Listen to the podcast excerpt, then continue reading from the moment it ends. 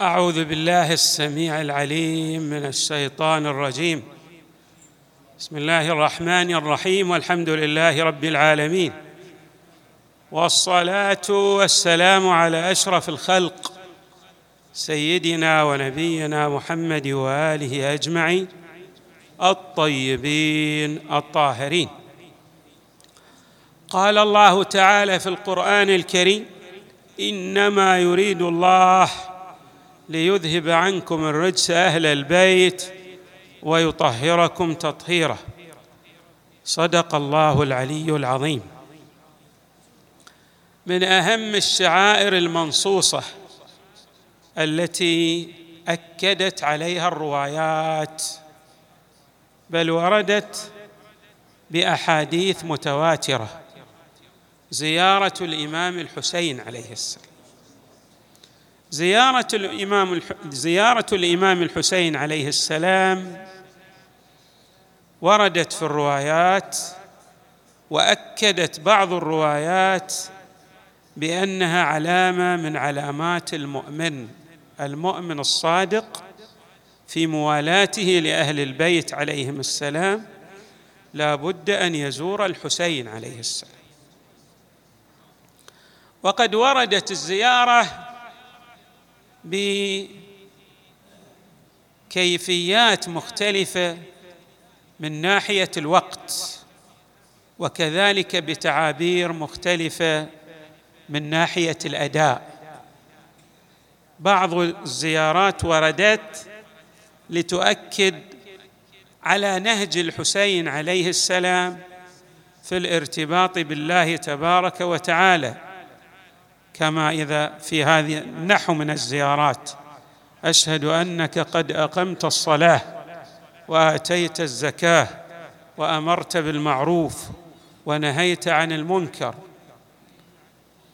وبعض الزيارات الأخرى جاءت لتبين أن الحق له ومعه وفيه وأنه هو الذي يجسد الرسالات السماوية. مثل زيارة وارث. السلام عليك يا وارث آدم صفوة الله. وتتسلسل الزيارة إلى أن تصل إلى المصطفى صلى الله عليه وآله. السلام عليك يا وارث محمد حبيب الله صلى الله عليه وسلم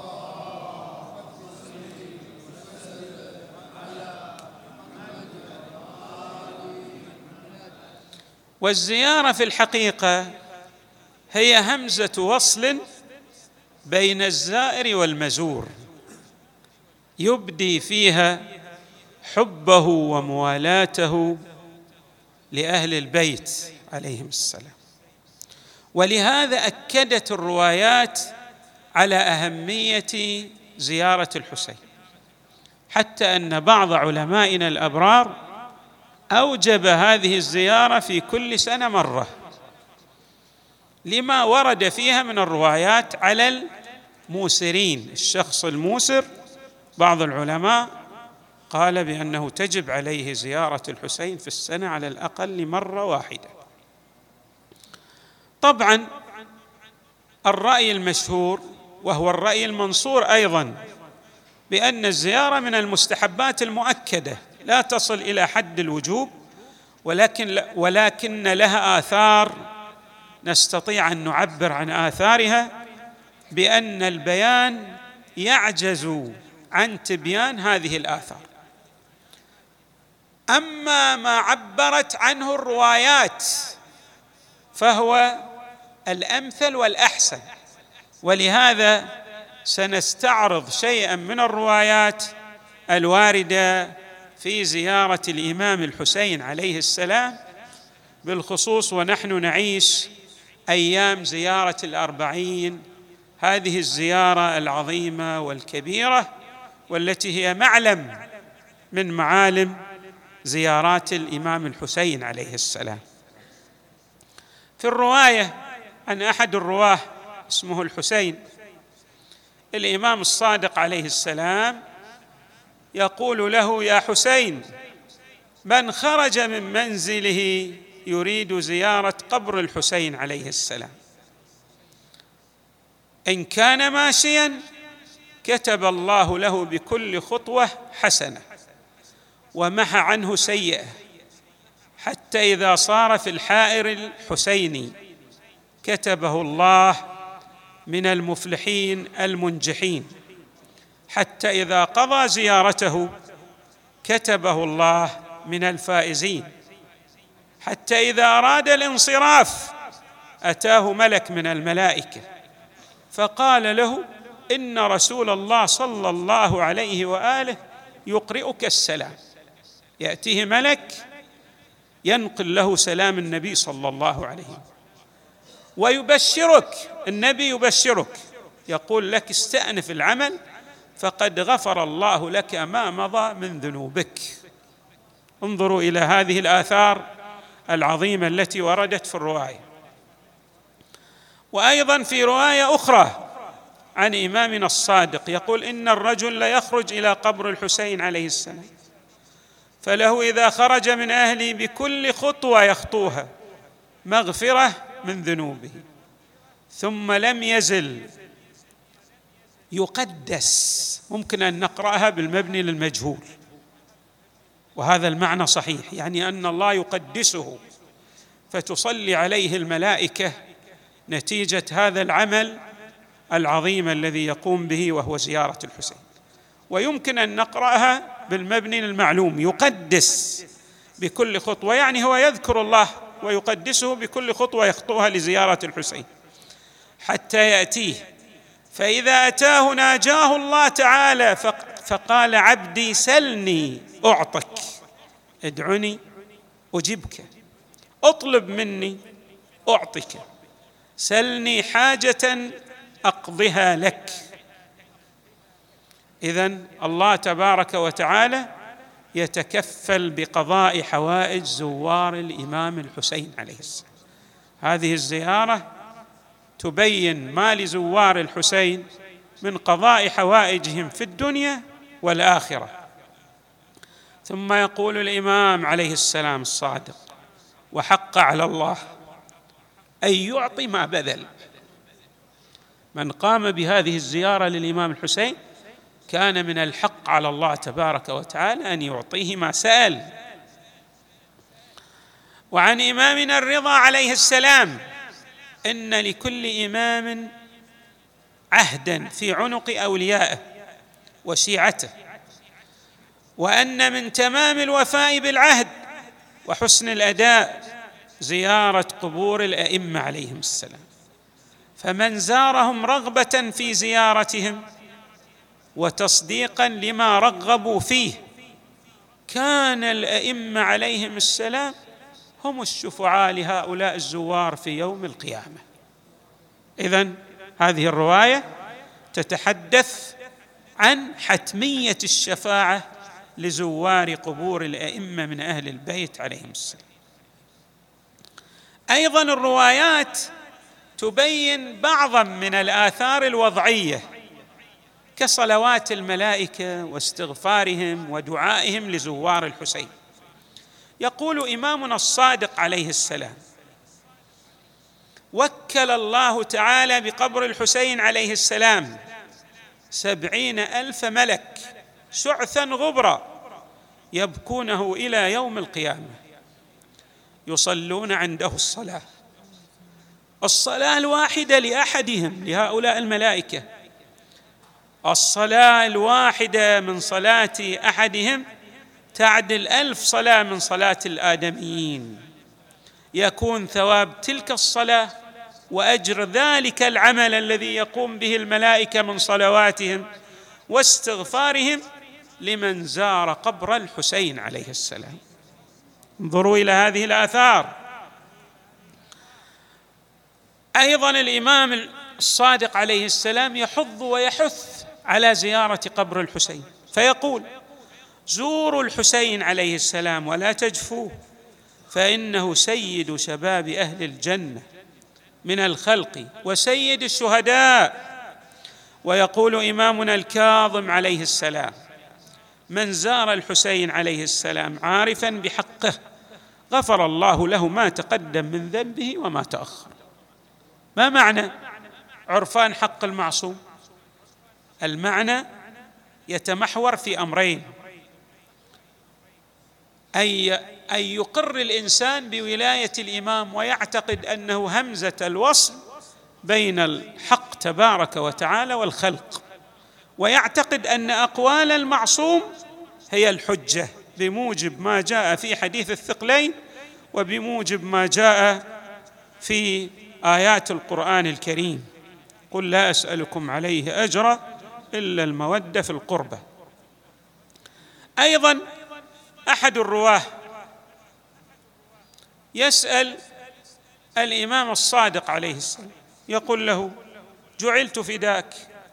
ما أدنى ما لزائر قبر الحسين عليه السلام. فقال له الإمام الصادق يا عبد الله إن أدنى ما يكون لزائر الحسين أن يحفظه الله في نفسه وفي أهله حتى يرده إلى أهله. فإذا كان يوم القيامة وعندنا هذا الأثر المهم الذي أريد أن أنبه عليه كان الله هو الحافظ له من أهوال يوم القيامة. النجاة من أهوال يوم القيامة لزوار الحسين عليه السلام. أيضا الإمام الصادق عليه السلام يقول ما من أحد في يوم القيامة إلا وهو يتمنى أنه كان من زوار الحسين. لما يرى مما يصنع بزوار الحسين عليه السلام من كرامتهم على الله تعالى. الله يكرمهم يبرزهم. كيف إحنا الآن نعبر في تعبيرنا الحديث هناك أناس لهم الحظوة والمنزلة الكبيرة والاستقبال كما نعبر في آي بي. نفس الكلام أيضا هناك أناس الله تبارك وتعالى يبوئهم مبوأ صدق عند مليك مقتدر. يجعل لهم الحظوة والكرامة. أيضا الإمام عليه السلام يوصي أحد أصحابه اسمه معاوية بن وهب يقول له يا معاوية لا تدع زيارة قبر الحسين عليه السلام لخوف. إذا تخاف من شيء وتقول لا أنا ما راح أزور الإمام الحسين لأن في خوف مثلا. هذه السنة في مشاكل مثلا هذه السنة ما أقدر أروح لزيارة الحسين بسبب هالمشاكل مثلا. الإمام يقول فإن من تركه رأى من الحسرة ما يتمنى أن قبره كان عنده.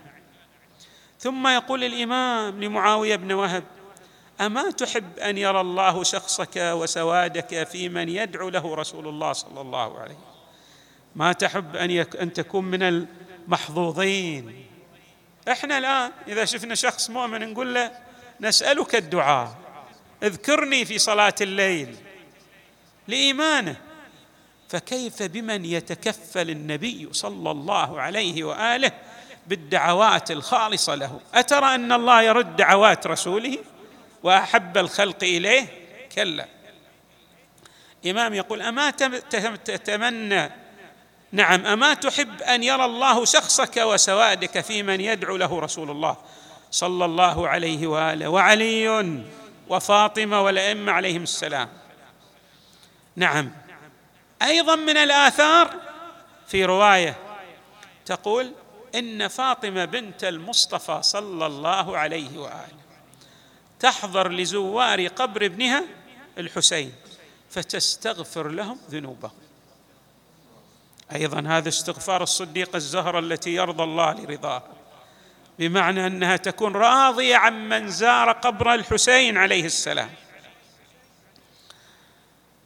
أيضا في رواية تبين المنزلة والمكانة وذلك الشرف العظيم لزوار الحسين. يقول الإمام عليه السلام من أتى الحسين عليه السلام؟ عارفا بحقه كتبه الله تعالى في أعلى عليين. ممكن أن تقرأ بهكذا. كتبه الله تعالى في أعلى عليين. يعني اعطاه أعظم المنازل. وفي الرواية كتبه الله تعالى له في أعلى عليين. إيش معنى كتبه الله له في أعلى عليين؟ يعني سجل اسمه في صحيفة في أعلى عليين. ليكون من الذين يحظون بالمنزله العظيمه والكرامة عند الله في يوم القيامة. هناك تسجيلات في صحف مكرمة. أيضا في الرواية. نعم. توكيد مكرر على غفران ذنوب زوار الحسين لما تقدم من الذنوب وما تأخر. يعني باصطلاحنا الحديث الأئمة من أهل البيت عليهم السلام يعطون حصان لزوار الحسين. وإذا أردنا أن نتحدث عن هذا المعنى الدقيق فهو بمعنى أن من زار الحسين عليه السلام يوفق للتوبة والسير في الصراط السوي ولو قبل موته بقليل. هذه بشارات ينبغي للمؤمن أن يكون من زوار الحسين عليه السلام ليحظى بهذه المنازل الرفيعة والرتب الجليلة وأيضا يحظى بغفران الذنوب وستر العيوب وقضاء الحوائج. نسأل الله تعالى أن يجعلنا مع زوار الحسين في الدنيا والآخرة. وصلى الله وسلم وزاد وبارك على سيدنا ونبينا محمد وآله أجمعين الطيبين الطاهرين.